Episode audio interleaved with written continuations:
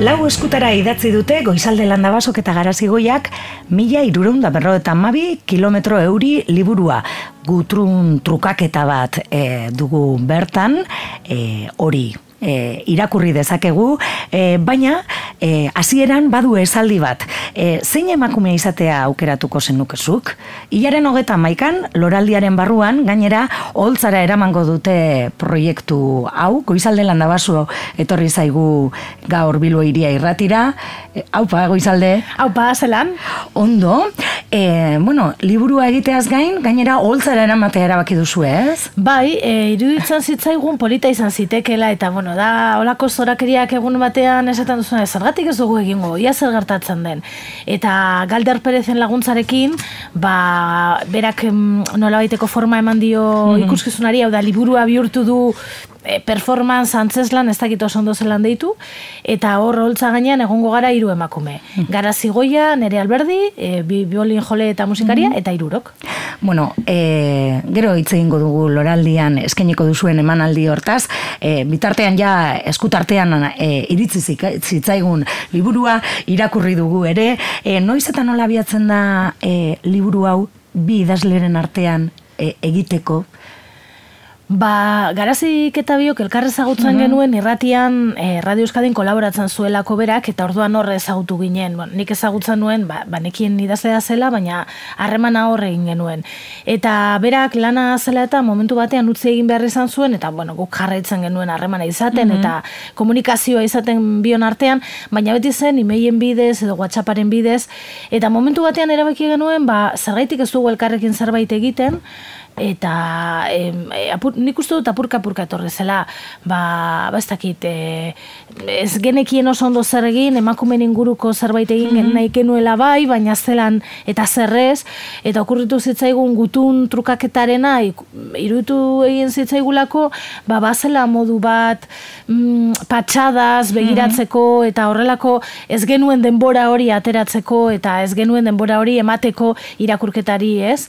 Eta, eta idazketari ere, ez? Hori da, ze, idaztea latza izan da, bueno, latza, latza beti da, baina esan nahi dut, ba, korapiatxoa izan dela. Bai, norberak ere jarri berdiolako bere buruari, ez? Hori da. bestela, bueno. Eta kasu honetan gainera, dokumentazio asko bilatu behar izan dugu, mm batzuetan, besteetan, baino zaiagoa, mhm. eta orduan izan da, ez bakarri, ja, jarri daztera, baizik, eta jarri prestakuntzara, eta gero hori dana antolatu eta zidazten, eta, bueno, mm bai, izan da, holan, luzea.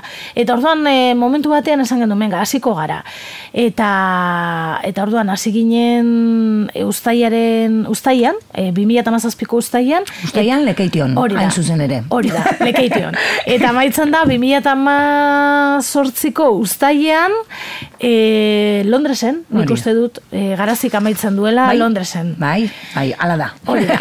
Eta tartean ba, e, egia da Bilbo eta Londres artean dabilela, baina egia da baita ere e, garazi ez dagoela beti Londresen eta ni ere ez nagoela beti Bilbon.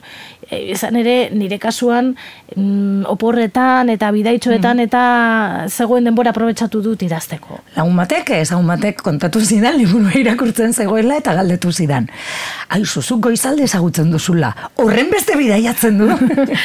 ba, ba suposatzen dut, apropos ere badaela, ez? Ba, giro bat sortzeko, ez? E, goizalde, bueno, Bilbo, e, Londres izango gendun, e, Londresen bizi da garazi, e, goizalde Bilbon, baina liburuan, ba, bueno, ez? E, leku asko. leku asko, eta hori izan zen, baina horren beste bidaiatzen du. Ba ez, kasualidadia izan da, ez, izan dira baina txut, e, ba oporraldi tarteak edo aprobetsatutako denpora ba ez dakinora joateko, liburu amaitzeko ere e, bordelera joan nintzen. Aitzakiak bilatu dituzu bai, bai, e, bai. bidaiatzeko ere, ez? Hori da, bai, bai, bai. Denbora atera behar nuen eta eta lagun batekin, denbora ere behar zuen lagun batekin, e, erabaki, nomenga, bordelera goaz. Eta bordelen egon ginen astebete ni hmm. idazten eta irakurtzen, e, nire laguna idaz, e, bueno, irakurtzen eta atxeden hartzen, hmm. eta eta horra maitu nuen liburua. Hmm. Bordel ere uste dut agertzen den. Bai, bai, bai, bai. bai. bueno, ba, hortxe, ez, leku ezberdinetan, ez, e, denbora aipatu duzu, gero, e, beste gaietako bat dalako, emakume ez Bai. ezagunak, baina denbora ere. Bai. Bai, garazik eta zuk aipatzen duzue denbora guztian, ze denbora falta daukagun, ez? Orokorrean. Edo daukazuen zuek, edo orokortzen duzuen. Bai, nik uste dut e, niri gustatuko litzaidak egunak beste pare bat hiru ordu gehiago izango balitu. Ze eh, egin nahi ditudan gauza guztietarako denborarik ez daukat eta loarik entzen dizkiot orduak. Eta garaziri gauza bera pasatzen zaio. Eta orduan e, azkenean konturatzen zara ez dakit zirimola batean sartuta gauden, ez dakit oso ondo zer den. Baina egia da bizigaren garai hauetan, e, patxada lujo badala. Eta, eta bueno, ba, gure eskura ez dagoen lujo bat. Mhm. Bigarren bizitza bat bazenu, bizitzeko beste bizitza bat, zein emakume izatea aukeratuko zenuke. E, z- e, zenukezuk horrela, bueno, e, zabaltzerakoan liburua irakurtzen dugu, ja, esaldi honekin irakurleari hausnarketa bat e, proposatzen diozu, ez? Bai, bai, e, hemen gertatzen dena da, e, gainera garazik eta biok askotan hitz egiten genuen, zer referentzia gutxi dagoen emakumezkoenak, ez? Hau da, niko goratzen dut ikastolan ikasitako mm, dena gizonak ziren, edo ia dena, euneko laro eta marra gizonak ziren, eta gainera eskura izaten zenituen gauzak dira, eta eta batzuetan inertziagatik baita ere, eta erreztasunagatik, eta erosotasunagatik bilatzera zela zerbait beti agertzen da gizon bat. Baina emakumeak aldiz bilatu egin behar dira, eta joan behar zara euren bila. Eta gainera tematu egin behar zara, ze oztopoak baino ez dituzu emakume horiek eh, aurkitzeko. Eta orduan, pentsatu genuen, mm, erreferentziak behar genituela bai guk, eta baita eh, beste emakume askok ere bai, eta gizonek ere bai jakiteko, bueno, existitu izan direla historian zehar emakumeak gauza asko eta oso handiak egin dituztenak, baina historiak jan egin dituenak, historia gizonek kontatu dutelako, eta gizonek kontatutako historia horretan, ba, emakumentzako ez dago lekurik, edo ez da egon. Lekurik mm, derrigorrezkoa espada izan eta e, eskutatu ezin bazan norbait, ez? Eta ari naiz, ba, Madame Curie esate baterako pasatu da, mm, e, ba, ez dakit, e, Kleopatra pasatu da, baina pasatu dira oso salbuespen handiak. Eta, eta guk pentsatzen genuen, historian egon behar zirela emakume asko, eta egia da.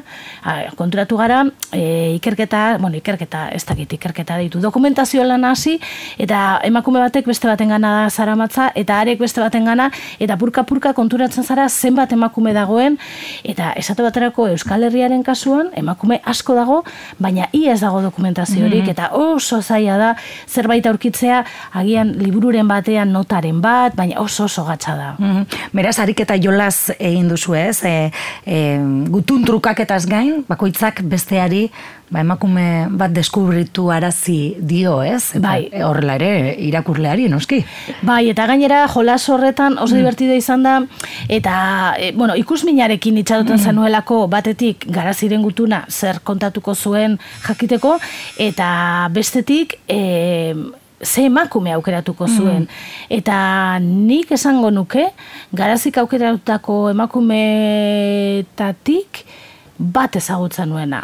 Tina Modoti, baina ezagutzen nuen argazkilaria, baina ez nuen ezagutzen, bueno, banekien existitzen zela, baina besterik ez. Baina beste denak, esango nuke ez nituela ezagutzen. Garazi ez daukagu hemen, baina garazik ere deskubritu ditu emakume e, historia eta emakume handien e, historiak zure gutunen bitartez. Bai, nik uste dut baietz. E, azkenean, e, bueno, bat, batetik zen e, bide gutunaren bidea eta bestetik zen gure artean e, hitz egiten genuena, bueno, badoa gutuna, e, ez doa, e, aste honetan ezin dut, datorren e, astean bialduko dizut, eta gero komentarioak ziren, jo, e, hau zen makume ikaragarria, ez? Eta nondik atera duzu, eta zelan deskubritu duzu, eta bai, bai, bai, oso aberazgarria izan da. Ordenean lan egin duzu, eh? gero liburura eraman duzuelako, edo desorden gutun horiek ordenatu behar izan dituzue gero. Ez, e, nahiko ordenatua izan da, eta hau niretzako nobedade bat izan da, zeni oso kaotikoa naiz, eta desordena da nire bizitza, eta nire ardatza, eta Bai, hemen... eta idazterakoan ere desordenatua, bai, bai, ez? Bai, bai, oso desordenatua naiz idazten, baina hemen eh, jarraitu behar izan dugu e, pauta Agian, bat, eh, garazirekin i- idazten ari zinelako, eta ez bakarrik. hori da, hori da, nik uste lau eskuetara eta horrek ematen dizu erantzukizun gehiago, ez? Eta gero gainera, ba, egia da, e, ba, patxada pur bate, bueno, patxada ez da hitza, e, orden apur batekin egin behar zela, bestela oso zaila zelako hau jarraitzea, ez? Eta orduan, e, ez genekien banekien besteak zer emakume, zein emakume ekarriko zuen, baina e, egin behar genuen azan, ba, epe bat eman erantzuteko, hau da. Mm Ba, gehien gehienera hilebete bat erantzuteko. Orduan zen e, besteak bialdu, eta zuk prestatutakoa idatzi. E, elkarrera, elkarri, oza, elkarreri ez diogu esan e, ze emakume ziren, baina gutxi gora beranik mm, pilo bat gelditu zaizkit kanpoan. Mm -hmm. Zenik bilatu nituen pilo bat, bada espada, eta orduan momentuaren arabera, eta gero e, garaziren... E, Kontaketaren hori arabera. Da, hori da, horren arabera... Erantzun egiten zarete, ez? Hori da, aukeratzen nuen bat edo bestea. Orduan, pena egin, oza, pena hundiarekin gelditu naiz, bueno, emakume ik, pilo bat gelditzen mm direlako kanpoan, ez? Baina, bueno, autatutakoetatik ere kanpoan gelditu dira, baina, bueno, hor daude eta dokumentazioa hor dago.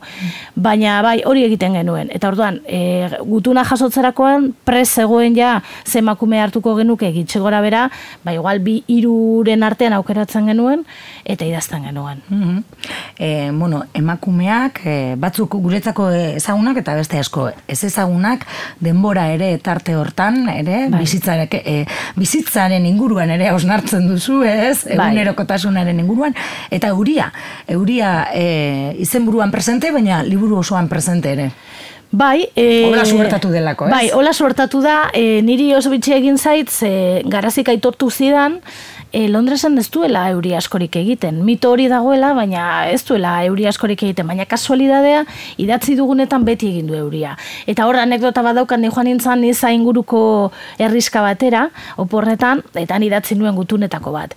Eta nire asmoa zen, ba, bueno, ba, hainbeste euri izan da gero, ba, bueno, ia gai garen behingo seguzkiarekin eta e, leku idiliko batetik idazteko, ez? Eta heldu nientzenean, hotza, iparraizea, euria, e, bueno, mm, eguraldirik okerren harrapatu nuen, eta, e, bueno, ia barregin nuen, ez? Mm -hmm. Idatzi nion garazirit, esan nion, bueno, garazi, ba, gutu nau ere, euritan egingo dugu. Euri asko egin du idatzi dugun egunetan. Bilbotik eh, Londresera mila irureun da iruro eta bi kilometro daude, ez? Bai, hori da, Mhm. bai, bai. Euri, e, izen buru ederra jarri diozue. Aipatzen dituzuen emakume asko agian ezagunagoak dira, euren zenarrak edo bikoteak, ez? Emakumeak baino. Bai, e, em, gizon handi askoren atzean Atzean, e, emakume handiagoak mhm, egon dira. eta desagertuta pasatu dira, ba gizona gaiendu delako, ez? Eta orain burura datorkit esate baterako e, Einsteinen emaztea matematikari bikain bat zen, esaten dute Einsteinen lanean esku hartzea izan zuela, baina oso jende gutxik ezagutzen du. Eta gogoan ditut ba musikari musika egia handien emazteak ere bai oso handiak izan direla. E, gure kasuan hemen ere agertzen dira gizonen itzalpean gelditu direnak baina esate baterako badago bat niri asko gustatzen zaidana Matiz Margolariaren Mhm. itzalpean bizi izan zen Siberiako emakume bat Lidia Delektorskaia bera oso gazte zela nizara niza ingurura heldu zen. Eta han bizi izan zen hogei urte Matizekin Matiz Margolariarekin. Bai, Margolariarekin, bai. hori da e, Ma- Matizen azkenengo urteak. E, hain zuzen ere Matiz hil zenean Lidia Delektorskaia zegoen berarekin. Eta e, oso harrigarria da zergatik emakume honek edo zen mirespen zuen gizon horrenganako bere bizitzaren hogei urte emateko. E, e, bueno, di- lidiak nik uste dut hogeita gutxi urte zituela e, matiz ezagutu zuenean eta izan zen bere hirugarren eskua ze matiz margolaria ordurakoia aulki batean zegoen ezin duta eta orduan berak egiten zuen den den dena eta orduan pentsatzen duzu zelan da posible emakume batek hain gazte den emakume batek ba, bizitza ematea, ez? Eta gero gainera oso misteriotsua da bere historia. Na- bai. Ze, e, matiz hiltzen da, eta Bera desagertzen da. egiten da, ez? Hori kontatzen diguzue liburuan. Bai, eta ez dago bere pistarik, bai, pare bat urte geroago liburu bat idatzi zuela matizi buruz, nizan duela mar urte egin zuten erakusketa bat berataz, baina bere azkenengo urteak, bizitzaren erdia, eskutuan eman zituen, Parisen, Mhm. nunbait. E, G puntuarekin ere egiten duzu barre edo, ez? G puntua Bai. eta punturik gabe, ez? E, Bai, hori ere kuriosidade izan da, zein nik beti sinatzen dut G punto, eta garazik beti sinatzen du G Eta orduan, bueno, horrekin eh, hasi ginen eta horrekin amaitu genuen, bai.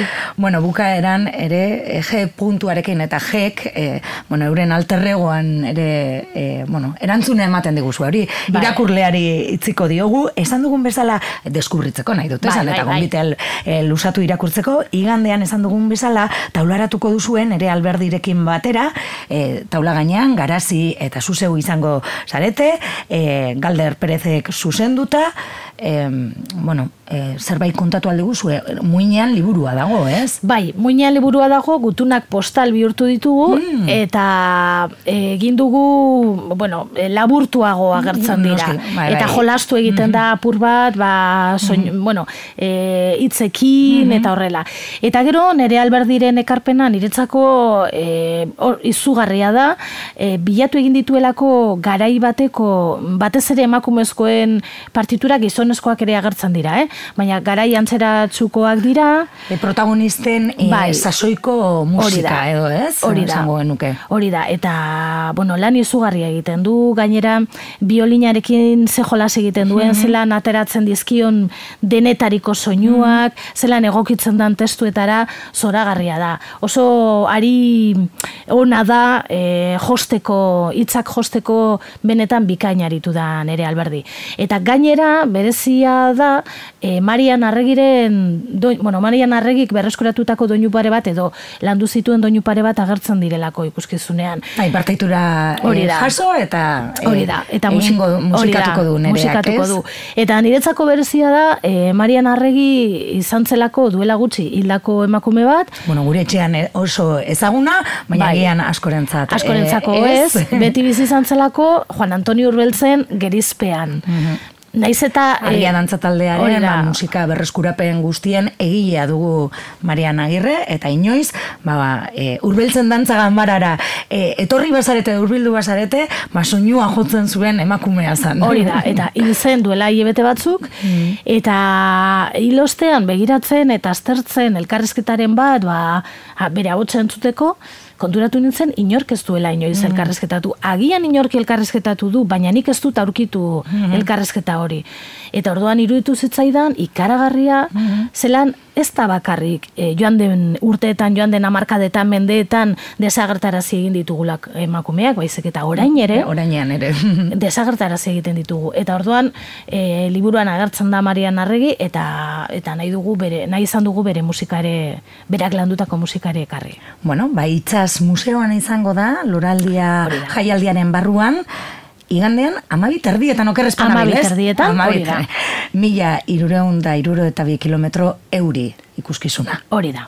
E, behin eta bakarrik edo irekita geratzen da? Ba, irekita gelditzen da. Hau, baina e, loraldiaren produkzioa da orduan, bueno, ba, izan liteke besteren bat. Baina, baina entzuleari ez dezala gal aukera hori. Hori da.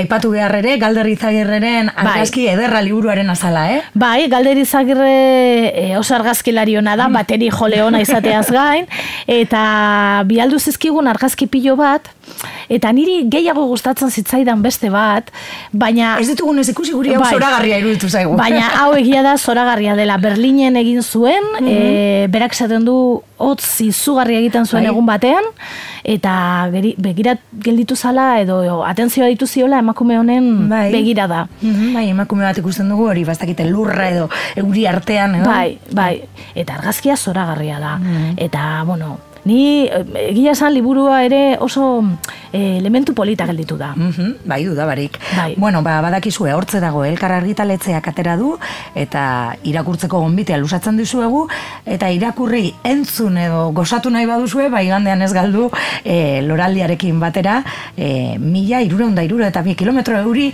ikuskizuna.